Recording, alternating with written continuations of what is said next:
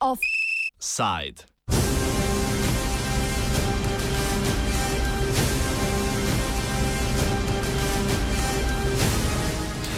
Včeraj in danes je v Zagrebu potekal kongres Evropske ljudske stranke, že dolgo največje stranke v Evropskem parlamentu, na katerem je bil za novega predsednika stranke izvoljen dosedanji predsednik Evropskega sveta in dvakratni polski premijer Donald Tusk.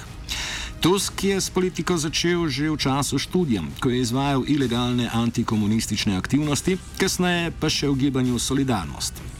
Po padcu realsocializmov je ustanovil polsko liberalno demokracijo, ki pa je bila nekoliko bolj desna od slovenske.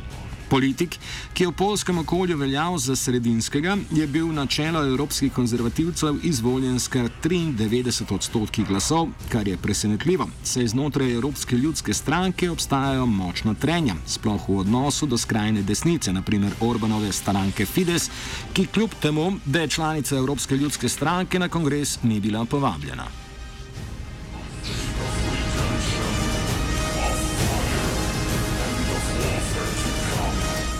Med več kot 2000 udeleženci iz 40 držav so se kongresa udeležili tudi predstavniki slovenskih pripadnic Evropske ljudske stranke, torej delegati SDS-a, NSI-ja in SLS-a. Odmevan je bil predvsem Janez Janša, ki se je včeraj ponovno javno zauzel proti sankcijam zoper Fides, rekoč, da gre za najuspešnejšo stranko znotraj Evropske ljudske stranke. Poslanec Slovenske demokratske stranke v Evropskem parlamentu Milan Zver odgovarja na vprašanje, kako globok razkol je v stranki.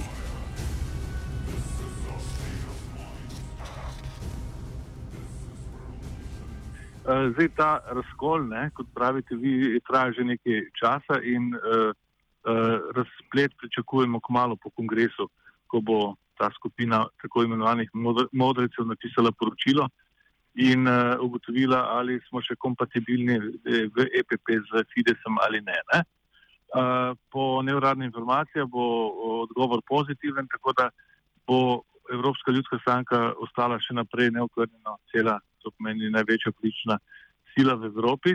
Uh, glede na to, da je EPP uh, velika stranka, je normalno, da se pojavijo tudi razne frakcije ali struje, nekatere zlasti skandinavske in pa Beneluxa, iz Beneluxa so veliko bolj eh, leve, leve, liberalne, medtem ko nekatere, ki prihajajo iz vzhodne ali pa srednje Evrope, so pa večkrat mm, bolj konzervativne. Ne? Včasih pri nekaterih vprašanjih se seveda uh, pride do nasprotovanja in to je logično. Zdaj, ko smo dobili novega predsednika, ki je dokaj odprt človek, strpen, sem pripričan, da bo veliko uh, lažje premagoval te uh, različnosti.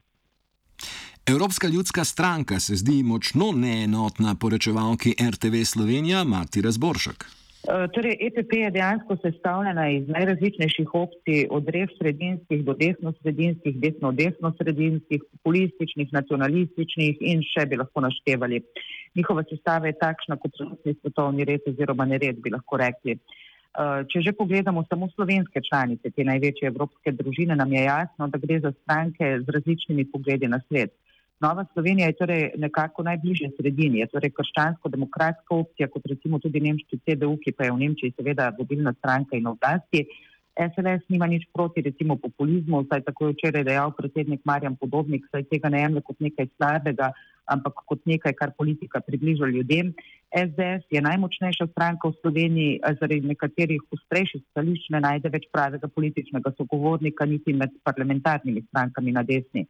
Torej, v tem primeru, v primeru Evropske ljudske stranke, ne govori istega jezika kot NSI.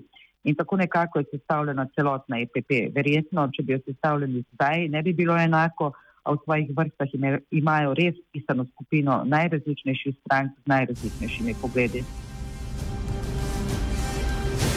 Donald Tusk je očitno kandidat, ki je uspel ugoditi zahtevam tako levih, kakor desnih struj znotraj stranke.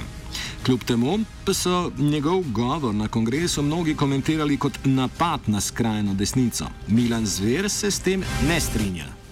Tusk je govoril o nasplohu populizmu, v glavnem imel v mislih eh, ekstremno desnico, uh, pa seveda tudi je večkrat uh, okaril tudi ekstremno levico. Tako da uh, obo, uh, v bistvu je pa obema kriloma v stranki popihal na dušo v svojem govoru, tako da se ni postavil uh, direktno ne na eno, ne na drugo pozicijo. Kljub podpori Fidesu pa zver zatrjuje, da SDS nasprotuje desnemu populizmu. Uh, jaz mislim, da se še bo veliko vode preteklo, da se bo uh, celotna desnica konsolidirala. E, tisto, kar bi si jaz želel, je, da bi se zlasti bolj ta ekstremna populistična desnica nekoliko umirila.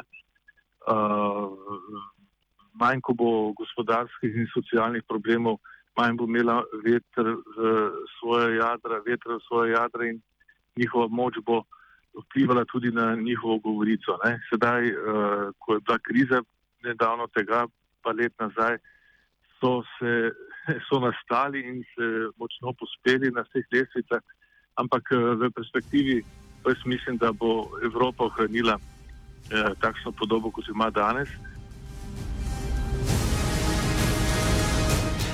Marta Razboršek se strinja, da je populizem odraz krize, a meni, da je Evropska ljudska stranka bolj sredinska. To dokazuje tudi Tuskova zavrnitev članstva skrajno desne Salvinije Velige, ki je trenutno članica bolj desnega zavezništva Identiteta in Demokracija. Torej, nekaj let nazaj, ko se še nismo zares ubadali z begunci in migranti, tudi Salvinijeva politika ne bi slonila na idejah, na kakršnih sloni danes. To je treba vedeti. Tudi Orbanov Fides je bil reformistična stranka, danes pa se številni čudijo, da je sploh lahko vstopil v EPP. Torej, zadeve so se eh, nasplošno spremenile. Orban, eh, ki igra na karto zaščitenika Evrope pred islamom, pa v zadju počne druge zadeve. Tudi on v resnici zmanjšuje pravice svojim državljanom oziroma ima polno popoln, popoln nadzor nad njimi. Po drugi strani pa spet sprejema popularne ali pa populistične ukrepe, s čimer si utrjuje oblast. Mata Razboršek pričakuje, da se bo s prihodom Tuske na oblast politika Evropske ljudske stranke opredelila še bolj sredinsko. Da, absolutno. Evropska ljudska stranka je kot desno-sredinska tudi nastala že leta 1976, a nekatere stranke, ki so se priključile pozneje s širitvijo, so pozneje začele kazati zobe.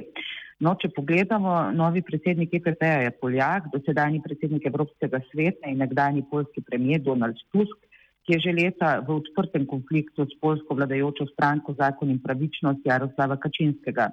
Ta je sicer del druge politične skupine v Evropskem parlamentu, ena od sedmih in sicer je v skupini Evropski konzervativci in reformisti. Prav tej skupini bi se lahko kot grozil priključil tudi mačarski premijer Viktor Orban, če bi ga izgnali iz EPP-ja. Tusk torej odprto že leta nasprotuje skrajnejšim politikam, eh, ko so Polsko zaradi tega imeli na dnevnem redu, je to glasno podpiral.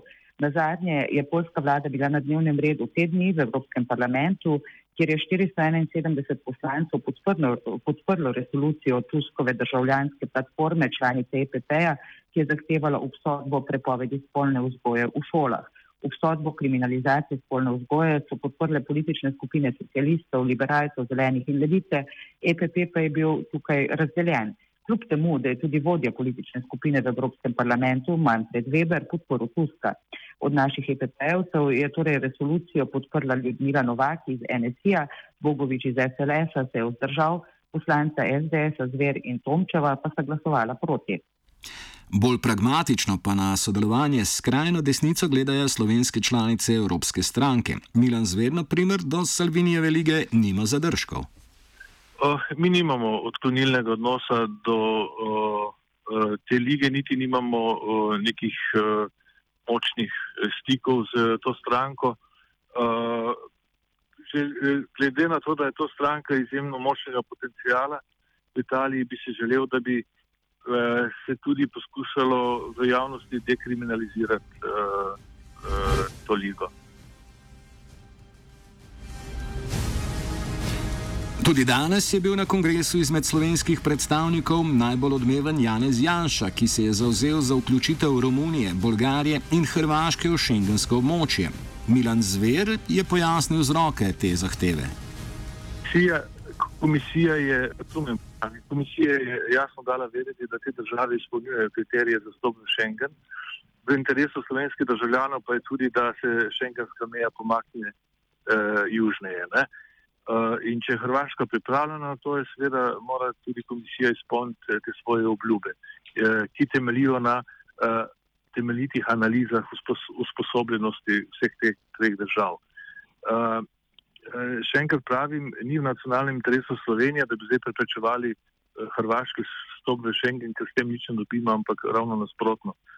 Jaz mislim, da si večina slovenskih državljanov iz znanih razlogov želi, da Schengna na naši južni meji ni več.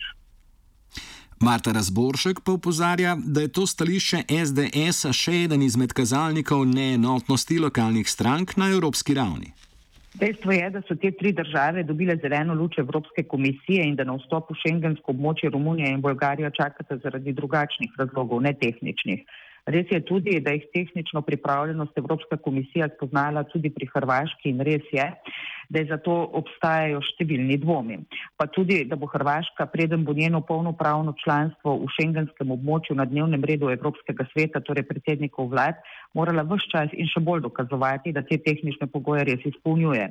Če gledamo tako, če bo res varovala mejo, kot je potrebno, potem ne bi smelo biti to vrstnih uvir. Kaj bo storila slovenska vlada, ko do tega pride, bomo še videli. Kar vlado namreč skrbi zdaj, je tudi to, da je Hrvaška sploh tehnično pripravljena oziroma da je takšno tehnično pripravljenost ekonom, Evropska komisija potrdila. Se se število prihodov migrantov še namreč nekoliko povečuje. Zanimivo pa je, da tudi glede tega niti naše članice EPP-ja niso enotne, torej Janše v današnjem govoru dejal, naj uh, pripravljeni vstopijo uh, v šengensko območje čim prej, saj bo to pomenilo večjo varnost. Tudi Tunin pa je recimo na kongresu NSI-ja konec tedna izrazil prepričanje, da Hrvaška ne izpolnjuje tehničnih pogojev.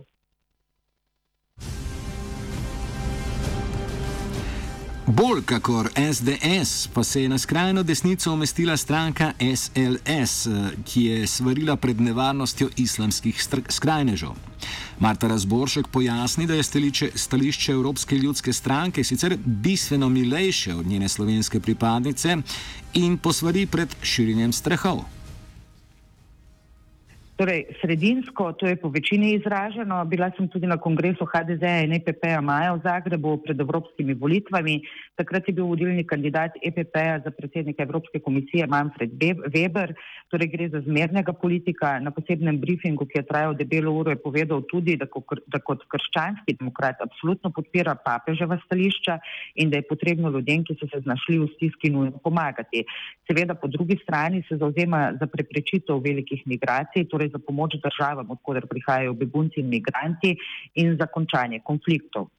Načeloma, vse tako se mi zdi, se s tem strinjajo tudi tisti, ki strašijo, ampak vseeno ta strah nekako spuščajo med množico, ki pa je že prestrašena zaradi drugih, recimo ekonomskih razlogov oziroma zaradi poglobljene družbene neenakosti, zaradi česar vse lahko vidimo vrstijo protesti po svetu.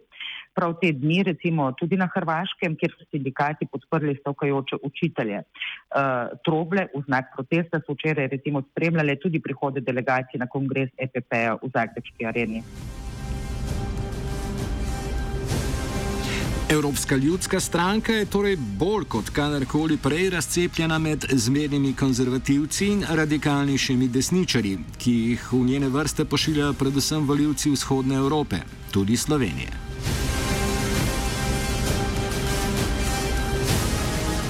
Offside je pripravil Mirt.